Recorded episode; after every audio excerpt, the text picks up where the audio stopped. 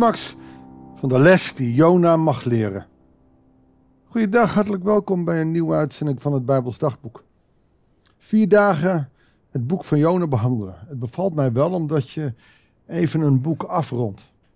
Omdat je de lijn dan ook beter in de gaten kan houden. En daarom lezen we vandaag hoofdstuk 4. Het feit dat het volk van Nineveh als het ware tot bekering komt. En nou, niet tot bekering, maar uh, spijt krijgt van alle gruwelijke dingen die hij doet. Ziet God er vanaf om het volk te vernietigen. En dit wekte grote ergernis bij Jona en hij werd kwaad. Ken dat gevoel? Heb jij ook dat dan niet eens? Dan, dan probeer jij een uh, nou, positief christen te zijn. En wat gebeurt er dan? De mensen die niet gelovig zijn, die gaan het voor de wind en jou niet. Laat ze toch allemaal door de grond zakken. Of welke uiting je dan wel of niet hebt. En we weten dat dit verkeerd is, maar zo denken we wel eens. Want ja, wij doen toch ons stinkende best. Wij zijn toch de kinderen van God.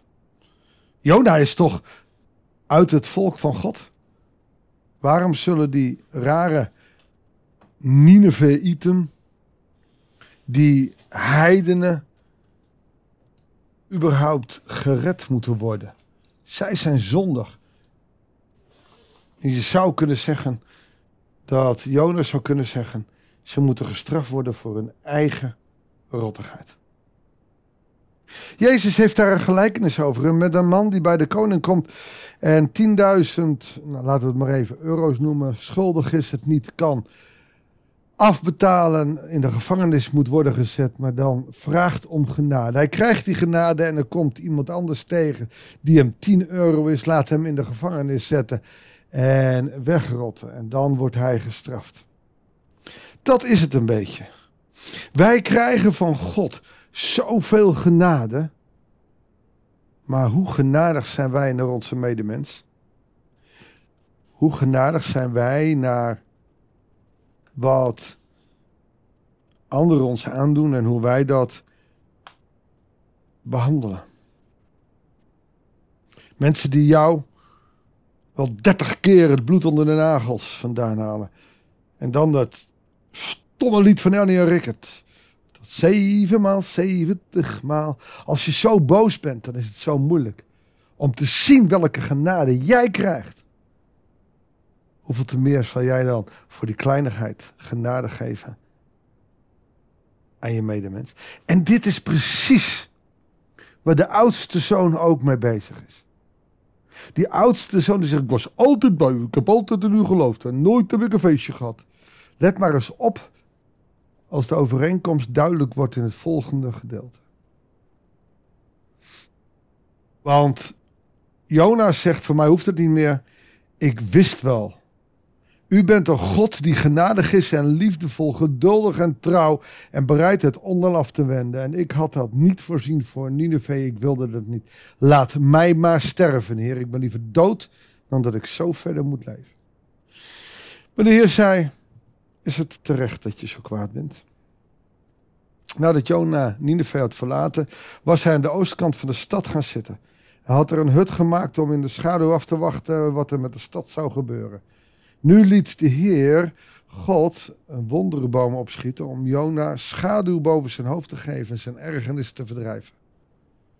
Jona was opgetogen over de boom, maar de volgende morgen, bij het aanbreken van de dag, liet God de boom weer door een worm aanvreten, zodat hij verdorde. En toen de zon opkwam, liet God een verzengende wind uit het oosten waaien. De zon brandde zo op Jonas hoofd dat hij door de hitte werd bevangen. En hij bad om te mogen sterven. Ik ben liever dood dan dat ik zo verder moet leven. Twee keer zegt hij dat. Maar God zegt tegen Jona: Is het terecht dat je zo kwaad bent over die boom?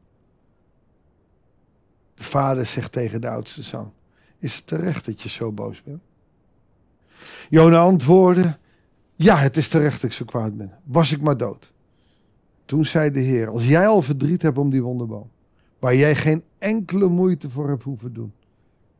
En die jij niet hebt laten groeien. Een boom die in één nacht opkwam en in één nacht verging. Zou ik dan geen verdriet hebben om Nineveh? Die grote stad waar meer dan 120.000 mensen wonen. Die het verschil tussen links en rechts niet eens kennen.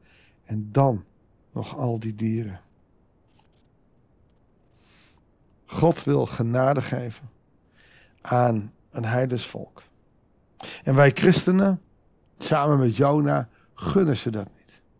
Maar zijn wel verbolgen over het feit dat ons zoveel verdriet aan wordt gedaan. Dat wij nooit eens dat geslachte schaapje hebben. Dat ons gras niet groener is dan bij de buren. En dat de buren nooit eens jaloers naar ons hoeven te kijken. Wij zijn jaloers. Gek hè? Het zou eigenlijk niet moeten mogen en toch gebeurt het. Het is raar dat Jona hier een les moet leren. Dat Jona nederigheid moet leren en moet leren te leven van genade, in afhankelijkheid van genade.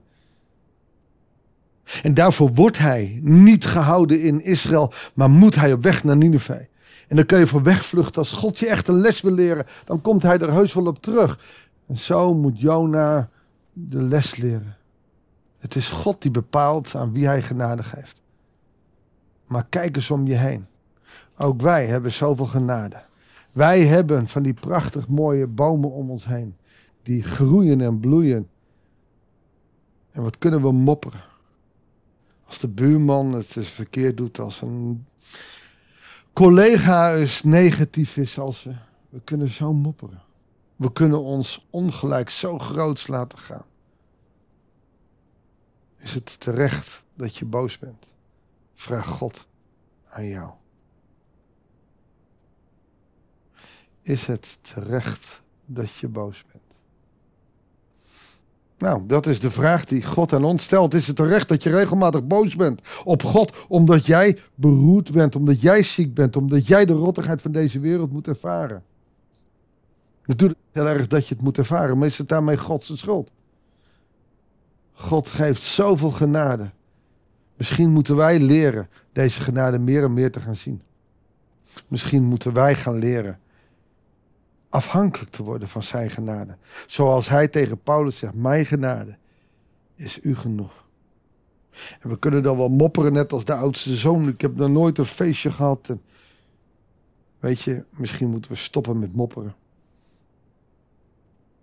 En God dankbaar zijn dat Hij altijd bij ons is.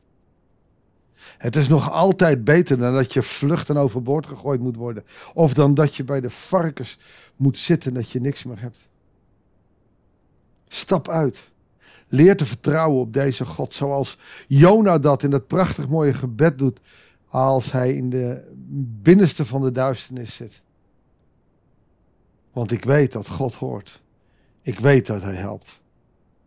Want als je uitstapt en weet dat God wondermooie dingen met jou doet, maar hij dat op zijn manier en zijn tijd mag doen, dan moet je, dan moet je niet versteld zijn wat hij allemaal bij jou zal doen.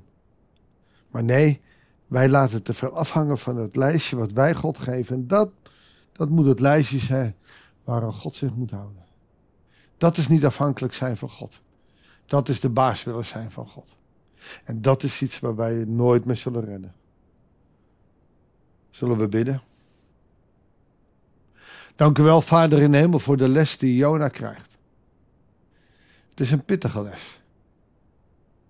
U leest hem de les en geeft hem de duidelijkheid dat, dat hij afhankelijk moet zijn van u. Maar dat uw wil geschieden en niet onze. Heer, of we nou, of wie u ook genade geeft, het moet ons niet uitmaken. Hoe meer we gericht zijn op u, hoe minder we jaloers zijn op onze naasten. En hoe meer we gunnend leven in deze wereld, hoe meer uw genade in ons leven ook toepasbaar kan zijn. Heer, we zitten die genade vaak zelf in de weg. Wil ons vergeven en wil ons helpen onze ogen te openen voor de genade die u geeft. Heer, dat bidden wij u in Jezus' naam. Amen. Dankjewel voor het luisteren. Ik wens je God zegen en heel graag tot de volgende uitzending van het Bijbels Dagboek.